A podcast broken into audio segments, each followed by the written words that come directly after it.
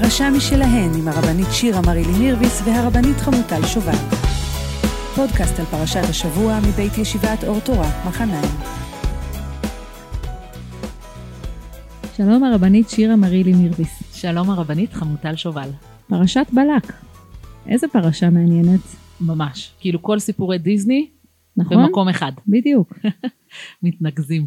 כן, אנחנו אה, אחרי איזה כמה שנים של נישואים, הראיתי לשלמה את היומן האישי שכתבתי, מכיתה ב' כתבתי יומן אישי ועד גיל 25. וואו, בגיל בחורה 25 מתמידה. שמה, ממש מתמידה וגם דרמטית, יש שיאמרו, כמעה. ו- והראיתי לשלמה קטעים מהיומן, והיה שם קטעים שכתבתי עם איזה איש אני חושבת שאני צריכה להתחתן. או. והייתה שם רשימה מאוד מסודרת, בחורה מסודרת שכמותי, וואו. וכתבתי בן אדם שקט, מוזיקאי, אוהב מדיטציה, וכאילו שלמה ואני ישבנו וצחקנו על זה מאוד מאוד, כי כמובן ששלמה הוא בדיוק ההפך מכל הרשימה שחשבתי שזה מה שנכון לי, וואו. וברוך השם כנראה שמאוד נכון לי דברים אחרים, כי שלמה הוא איש אה, מאוד חברותי. לא ולא ולא ו- הרשימה. כן, מוזיקאי הוא גם לא, וכאילו באמת כל הה- ההפך הגמור מכל מה שחשבתי שנכון לי, וואו. בא לידי ביטוי בבן אדם אחד שהיום הוא האיש שלי, וברוך השם אני שמחה בו מאוד. וכאילו מה אתה חושב שנכון לך, ואיך ההפך זה באמת לגמרי לגמרי שם. מה עשית עם המחברות? זה מאוד מעניין אותי. הם אצלי בארון עד היום. איפה סוד הקסם היפני? מי שמבקר אצלי בבית מבין שמרי קונדו לא הייתה לא אצלי. הייתה באה- לא- לא באה- לא הייתה באה לארוחת שישי. לא. אז, אז אנחנו מדברים פה על כוחה, כוחם של המילים. זאת אומרת, אנחנו פוגשים פה את אחד אולי האויבים הגדולים אה, של עם ישראל, כי הוא לא, הוא לא בא בכוח. הוא לא עמלק, הוא לא איזה שר צבא, הוא לא גוליית, הוא בן אדם שיודע לדבר. הוא בן אדם שיודע שלו. לדבר, אבל הוא גם יודע לדבר עם כוחות. זאת אומרת, הוא לא מדבר בצורה ריקה, אלא יש לו, יש לו יכולת. זאת אומרת, אם אנחנו לוקחים את משה רבנו, ואנחנו אומרים, משה רבנו מדבר עם הקדוש ברוך הוא, ומביא את דבר הקדוש ברוך הוא אל עם ישראל, בעצם בלעם זו המקבילה. המקבילה של משה רבנו, רק בעמים אחרים. ובעצם איך יכול להיות שלרעים יש כוח, נכון? אנחנו כן. רגילים שאנחנו אנחנו בצד של הטובים, והתורה שלנו, ומשה... והקדוש ברוך הוא שלנו. בדיוק, ו- ומשה זה שמדבר איתו, וזה מעניין כי חשבתי על זה שמשה הוא לא איש מילים, נכון? הוא מעיד על נכון. עצמו, הוא גם הוא אה, מגמגם. מגמגם, הוא לא הבן אדם הווירטואוז של, של נאומים ומילים שהיום אנחנו לצערנו מאוד מאוד מעריכים והולכים שבי אחרי נאומים, ובלעם הוא הפוך, הוא איש המילים, הוא נושא נאומים, אנחנו גם אה, תכף נעשה, אה, נדבר על זה ש, שאפילו זה נכנס לנו לתפילה, אבל הוא איש מילים ונואם בחסד, ופתאום אנחנו פוגשים אותו כהנגדה של משה רבנו. אז באמת גם במדבר רבה טורחים ל- לתת לנו את ההנגדה הזאת ולהעמיד את משה מול בלעם, נכון? ואומרים לנו לא קם נביא בישראל כמשה, בישראל לא קם אבל באומות העולם קם. זאת אומרת שנכון שמשה היה מאוד ייחודי, אבל באומות גם היה להם כוחות, גם היה להם נביאים, גם היה להם מנהיגים שהם ממש היו ב- לפי במדבר רבה מקבילים למשה רבנו. נכון, זאת אומרת העניין הזה ש- שהמדרשים לא מטשטשים את זה. כן. יש פה אדם עם הרבה הרבה כוח ולכן היה כל כך קשה להתמודד איתו ולכן הפרשה כולה מדברת כמעט אך ורק אה, על הסיפור של בלק ובלעם והרצון, והאתון. כן, והרצון שבלעם כבר יפתח את פיו ויאמר כי כולם בסיפור מבינים שלאיש הזה יש כוח בפה. ו, וגם המדרש, אה, המדרש תנחומה אומר שמשה היה מדבר עם הקדוש ברוך הוא כל זמן שירצה וגם יש כוח לבלעם, זאת אומרת גם לבלעם יש איזשהו קשר עם הקדוש ברוך הוא וזה מאיים עלינו במידה מסוימת. נכון. אה, אז חוץ מלהנגיד את בלעם למשה רבנו, בעצם אה, מנגידים אותו במשנה גם לאברהם, אבל לא ברמה של כוח הדיבור, אלא בצורה אחרת. אנחנו עומדים על המידות של אברהם אבינו, שאברהם אבינו, ומי שממשיך את דרכו של אברהם אבינו, אם אתה רוצה להיחשב מתלמידיו של אברהם אבינו, אז צריך שיהיה לך עין טובה ורוח נמוכה ונפש שפלה, ובעצם אז אתה יכול להיקרא תלמיד של אברהם אבינו, ולעומתו בלעם יש לו בדיוק את ההופכי של אברהם אבינו. ומי שרוצה להיות תלמיד של בלעם, אז הדברים שלו זה עין רעה ורוח גבוהה ונפש רחבה, ואז אתה נחשב מתלמידיו של בלעם הרשע. זאת אומרת, המשנה פה מנגידה, המשנה במסכת אבות, מנגידה את אברהם מול בלעם. זה מאוד מעניין כי אנחנו אה, אה, הרבה פעמים כשאנחנו לא רוצים להתעסק עם משהו אנחנו מתעסקים איתו הרבה. זאת אומרת נכון. יש פה המון המון עיסוק בכוח של האיש הזה, במאגיה הזאת, למה הוא קיבל את הכוח, למה הוא אה, כזה שחקן אה, אה, ראשי פה משמעותי. בפרשה, למרות שמעניין שהפרשה לא קרויה על שמו, היא קרויה על שמו של אה, בלק, שהוא היוזם של הקללות, ובלעם הוא בעצם הגיבור, ואנחנו מכירים בכוח המאוד מאוד גדול שיש לו, ויכול להיות שיותר קל לנו להתמודד, והדבר הנכון הוא להגיד, כן, לבן אדם היה כוח במילים שלו, אנחנו אפילו משתמשים במילים שלו, ובכל זאת אנחנו לא, אה, אנחנו לא מפחדים להתמודד עם זה ולהכיר בכוח שלו הזה. אז למה באמת אנחנו פותחים כל יום את התפילה במילים של בלעם? חשבתם על זה הוא- פעם? כן, זהו. איך, איך זה נכנס לנו לתוך הסידור? מה טוב הוא אוהליך יעקב, משכנותיך ישראל, אומרת הגמרא בסנהדרין, מה, אנחנו מהברכה של אותו רשע? זה מה שיש לנו לומר? דווקא זה מה שנכנס? יש פה משהו בעייתי, כשאתה נכנס לבית המדרש, כשאתה נכנס לבית הכנסת, זה בעצם המילים שאנחנו אומרים, מה טוב הוא אוהליך יעקב. מכל ספרי תהילים, מכל מה שדוד כתב, זה מה שאנחנו בוחרים, זאת אומרת זה, דווקא את המילים של בלעם. שזה מאוד מעניין. אני פעם היה אמ, אה, פורום שבו הייתי חברה והיה כל אחד צריך להציג את עצמו ולהגיד פסוק שמאפיין אותו. ו- משחקי היכרות של דוסים. נכון, ואמרתי לעצמי האם כשאנשים נכנסים לבית כנסת וממלמלים מה טוב לך יעקב נכון כי ככה זה הפסוק הראשון שאומרים הם חושבים על זה רגע שנייה זה לא דוד המלך זה לא מ... זה לא אברהם, זה זה לא לא אברהם.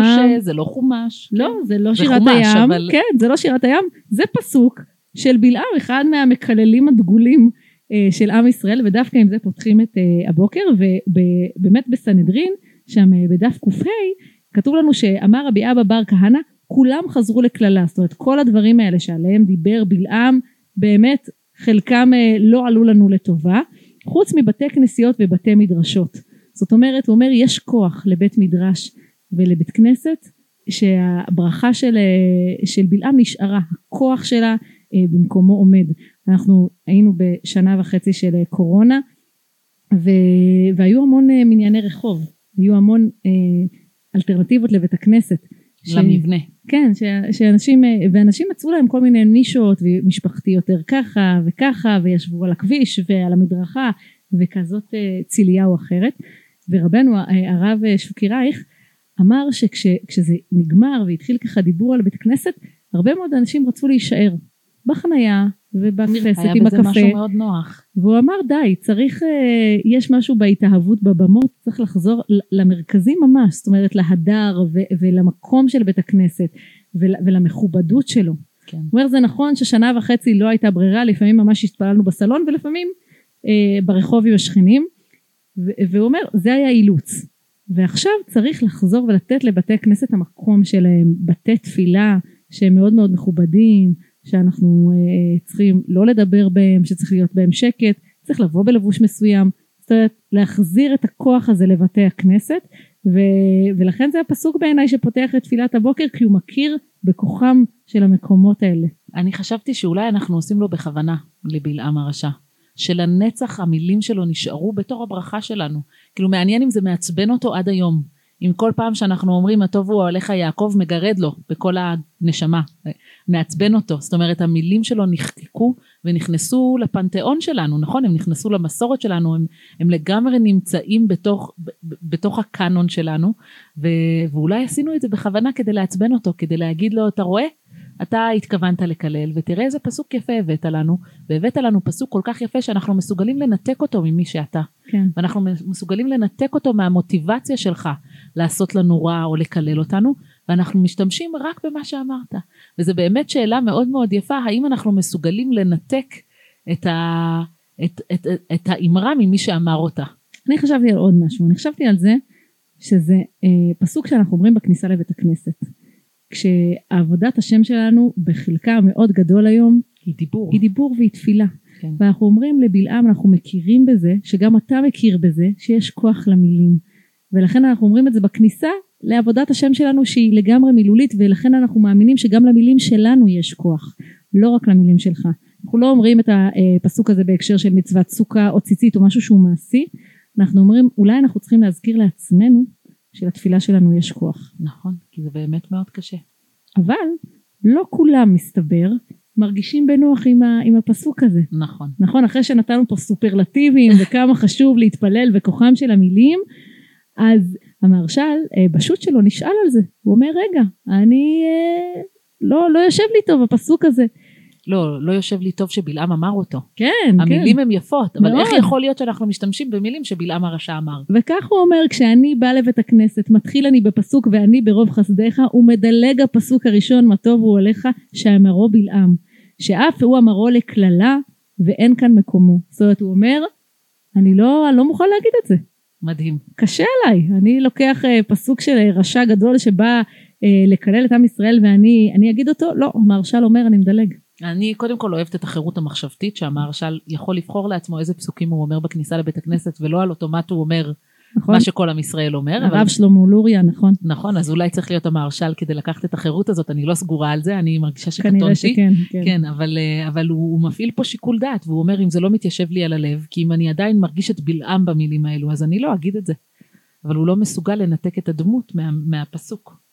עכשיו בוא, בואי נלך אולי הגיבורה של, אה, של הפרשה הזאת, הגיבורה המפתיעה, שאני חושבת שיוצרי שרק לגמרי אה, לקחו פה השראה אה, מהחמור המדבר, ולנו יש פה אתון מדברת, וזה אחד הסיפורים המופלאים, כל הסיטואציה הזאת שהאתון אה, מנסה להוביל את בלעם, לא להוביל אותו לחטוא, והוא לא מבין מה היא רוצה ממנו, ובכלל למה יש פה אתון.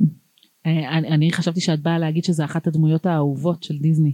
אני ממש ממש אוהבת את הדמות הזאתי, כי יש לה החמור חוש... של שרק. את כן. החמור של שרק, כי יש לו חוש הומור, והוא במין תמימות כזאת על המציאות, ואני חושבת שהאתון של בלעם, למה היינו צריכים שם חמור מדבר? למה היינו צריכים אתון מדברת?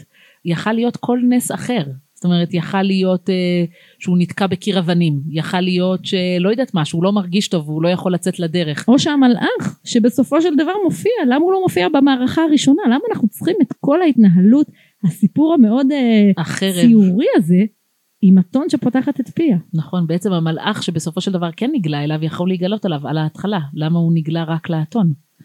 וצריך לשבור פה את המציאות. צריך היה א', לתפוס את תשומת הלב שלנו. ואני חושבת שהיה צריך להגיד פה, יש פה משהו אחר לחלוטין, יש פה כוחות, יש פה טבע שהוא לא טבע, יש פה חיות שהן לא חיות, יש פה נביא שהוא לא נביא, כאילו הכל פה בהפוך על הפוך עובד. וזה בא לידי ביטוי בזה שהמציאות היא מאוד מאוד מוזרה. האתון, אה, כדי למשוך את תשומת הלב שלו, של בלעם, היא צריכה לפתוח את הפה ולדבר, כי אחרת הוא לא ישים לב. הוא כל כך בדרך אל המשימה שלו, הוא כל כך שקוע במה שהוא רוצה לעשות, שהוא לא, לא בהכרח ישים לב לדברים אחרים. אני חושבת שבלעם הוא איש של מילים, והוא יודע את זה, ועל זה משלמים לו. כן. הם מתקשרים אליו ואומרים לו, אתה פנוי, אנחנו צריכים שתדבר. והוא יודע שזה הכוח שלו. והקדוש ברוך הוא בעצם מכניס לו, סליחה על הביטוי, בזה ש, שהאתון מנסה להראות לו בדרך פיזית, כמו שחיות בדרך כלל מסמנות לנו, ו, ובסוף היא פותחת את פיה, ובעצם אומרת לו, אתה איש של מילים? גם אתה, אני. כן, ת, ת, אתה, לא, אתה, אתה לא כזה איש של מילים, בוא תנמיך טיפה את התחושה שאתה כל כך גדול וכל כך מוכשר, גם אני אה, יכולה לדבר, ו, והכוח הזה להראות גם שתפסיק להאמין ב, ב, בכוח שלך ולעוף על עצמך אולי ב, בצורה כזאת רצינית. אה, להורים שלי הרבה שנים היה כלב, אה, שהוא היה מאוד מאוד חכם, לא נבח נגיד אף פעם, אבל היה באמת מאוד אינטליגנט ברמה שהיינו יכולים לשחק איתו מחבואים. היינו אומרים. לו מחבאים והוא היה מחפש אותנו. ולילה אחד ניסו לפרוץ אה, לבית של ההורים שלי, וצ'רלי, צ'רלי ככה קראו לו, אה, וצ'רלי לא נבח כי הוא לא נובח, אבל הוא הבין שמשהו פה לא בסדר, והוא פשוט ירד מהקומה העליונה אל הדלת, עמד בדלת, קיבל את פניהם של הבאים, וברוך השם הם נשארו בדלת, זאת אומרת הם כן, נכנסו הוא לא נתן מהחלון, להם להיכנס. הם נכנסו מהחלון ופגשו אותו ושם זה נגמר, הוא ממש עמד על משמרו, ו, בלי ובבוק- לנבוח. בלי לנבוח, ובבוקר הוא הוביל את ההורים שלי והראה להם, הייתה, היה פה משהו, הייתה פה סיטואציה. זאת אומרת, יש הרבה ענווה בלא לחשוב שרק אנחנו בני האדם היחידים שהקדוש ברוך הוא אה, אה, נתן להם שכל, יש לנו את כוח המדבר, ובלעם היה צריך פה הנחתה למציאות, ולכן דווקא החיה שלו שעליה רוכבים, ופרשנים רבים אומרים שזה בכוונה לא סוס. זה כן. כדי להראות לו שזה בעולם כי העתיק סוס זה מלכות. סוס זה בדיוק. משהו עם הוד והדר. יש פה משהו, אה, חיה שהיא נחותה יחסית ודווקא היא מדברת, שלא תחשוב שכל הכוח אצלך. אז אצלי הילדים כל הזמן שואלים, אז זה באמת היה? זה קרה באמת? אז באמת היא דיברה או שזה רק בכאילו? סיפורי תורה, עד כמה רחוק אנחנו לוקחים אותם, אנחנו אומרים שזה באמת קרה, ואני כל הזמן אומרת אמונה שאינה תלויה בדבר, ומה זה משנה אם זה קרה או לא קרה, ואני באמת לא, אני באמת לא יודעת, אבל כן מתייחסים לזה, גם ב... זאת אומרת, יש שאלה, ש... כן. שאנשים אומרים, אוקיי, יש הרבה ניסים ונפלאות בתורה, עם הרבה עומק. אבל סיפור על אתון מדברת ש... כאילו ש... זה כבר עובר את הסף כן. של האדמה פערה את פיה ובולעת את קורח ועדתו. זה כבר לא להוציא מים מתוך סלע, זה בעל חיים מדבר, זה באמת ברמת דיסני.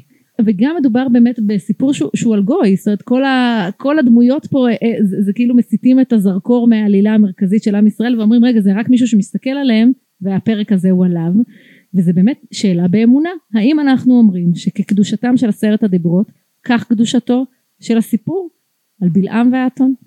והרב מנשה קליין, שכתב את שו"ת משני הלכות, נשאל את השאלה הזאת.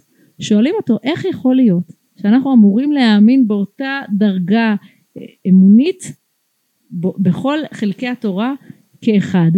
והוא כותב, כן. זאת אומרת, אנחנו, האמונה הנדרשת מאיתנו זה להגיד שהכל הכל להאמין בהכל, כל התורה, בין בכתב, בין תורה שבעל פה, והוא אפילו אה, מזכיר את זה. מביא את זה כדוגמה. הוא אומר, אפילו מעשה בלעם עם אתונו, בפתוח השם את פי האתון, הוא אומר, זה לא, למרות שזה לא נוגע להלכה, ואנחנו, קשה לנו לדמיין את המעשה הזה, כל מי שכופר בסיפור הזה, כאילו כפר בעשרת הדיברות. כאילו ממש כל פסוק בחומש אתה צריך לומר שהוא אמת, משה אמת ותורתו אמת, ולכן גם הסיפור של בלעם מבחינתו אמת ותורתו אמת. זאת אומרת אין לך עניין להתחיל להבחין בין מאורעות שקרו בחומש, האם הם קרו או לא קרו.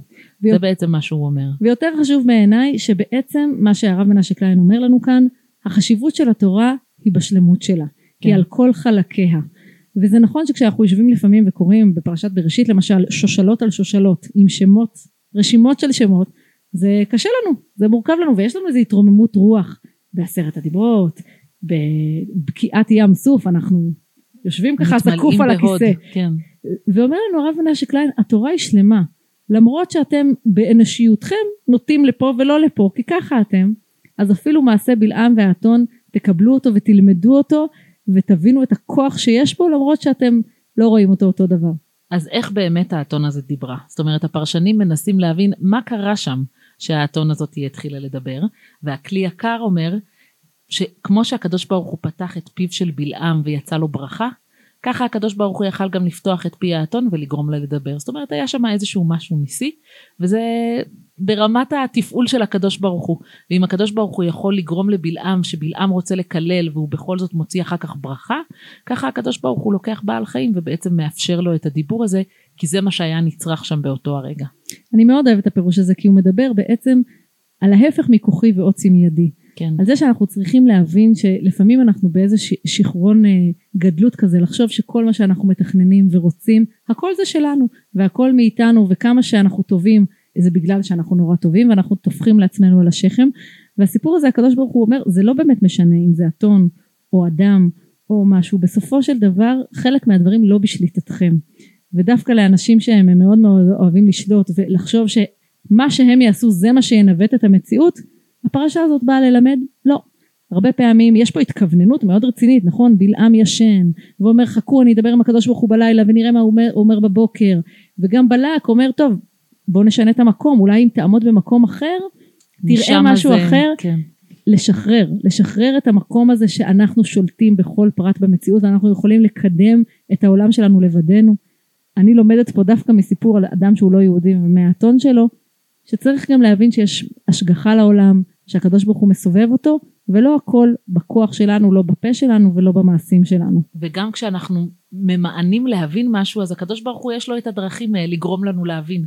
כי בלעם בעצם עשה כל מה שהוא יכול כדי לא לקבל את המסר, כדי לא לזרום עם הברכה הזאת, כי הוא לא רצה להיות במקום הזה, ובאיזשהו מובן הקדוש ברוך הוא אמר לו, אני שובר פה את הטבע, אני אגרום לאתון לדבר, אני אעשה פה דברים שהם שונים ומשונים כדי שתבין שיש לי את היכולת לעשות את זה, ולא כל היכולת היא אצלך ולא הכל אתה בוחר, אלא באמת, כאילו אתה חייב לקבל את המסר הזה, שאתה לא אחראי פה על הכל ואתה לא, אתה לא שולט בכל דבר. ולכן דווקא האתון פה היא שוברת את המציאות היא שוברת את הטבע והיא זאתי שמביאה את המסר לבלעם. היא זאתי שגורמת לו לראות את המלאך. זאת אומרת המלאך עמד שמה. הוא יכל לראות את המלאך אבל הוא לא ראה אותו. עד שהאתון לא פתחה את פיה בלעם לא ראה את המלאך הזה. ויש פה את השבירה של הטבע כדי לראות את העל טבעי. ברמה מסוימת הסיפור של אה, בלעם הוא סיפור על דרך נכון? כל הפרשה הוא הולך בדרך והדרך מלאת חתחתים והוא הולך קדימה. בקיבעון מסוים. בדיוק, לא מעניין אותו כל הסימנים, כל הקרמה שסביבו שמסמלת לו, אולי אל תלך. ו... והוא לא מוכן לעצור והוא לא מוכן לחשוב על זה, הוא נורא רוצה ללכת. ולכן כמו שאמרת צריך את השבירה של האתון שתפתח את הפה, כי הוא בעצמו לא מסוגל לעצור ולהתבונן. ואני חושבת שאחד השיעורים הכי מקסימים שאנחנו לומדים מהפרשה הזאת זה שאנחנו צריכים לבדוק את עצמנו בדרך, כן. בדרכים שאנחנו בוחרות ללכת בהם, האם הם הדרכים הנכונות, אה, האם הקריירה שבחרנו פעם מתאימה לנו היום, האם אופן ההתנהלות שלנו המשפחתית או האישית מתאימה, צריך לבדוק את עצמנו. זאת אומרת לא לקפוא על השמרים. כן. כל הזמן אנחנו יכולים להמשיך ולדייק את עצמנו ולוודא שאנחנו באמת עושים מה שנכון ומה שטוב בעיני שמיים ובעיני עצמנו. וגם אה, לשמוע אולי מאנשים חכמים שרוצים ליישר לנו את הדרך, מה הדרך אה, הנכונה, לאן אנחנו רוצים להגיע. כן, בהצלחה לנו. שבת שלום. שבת שלום.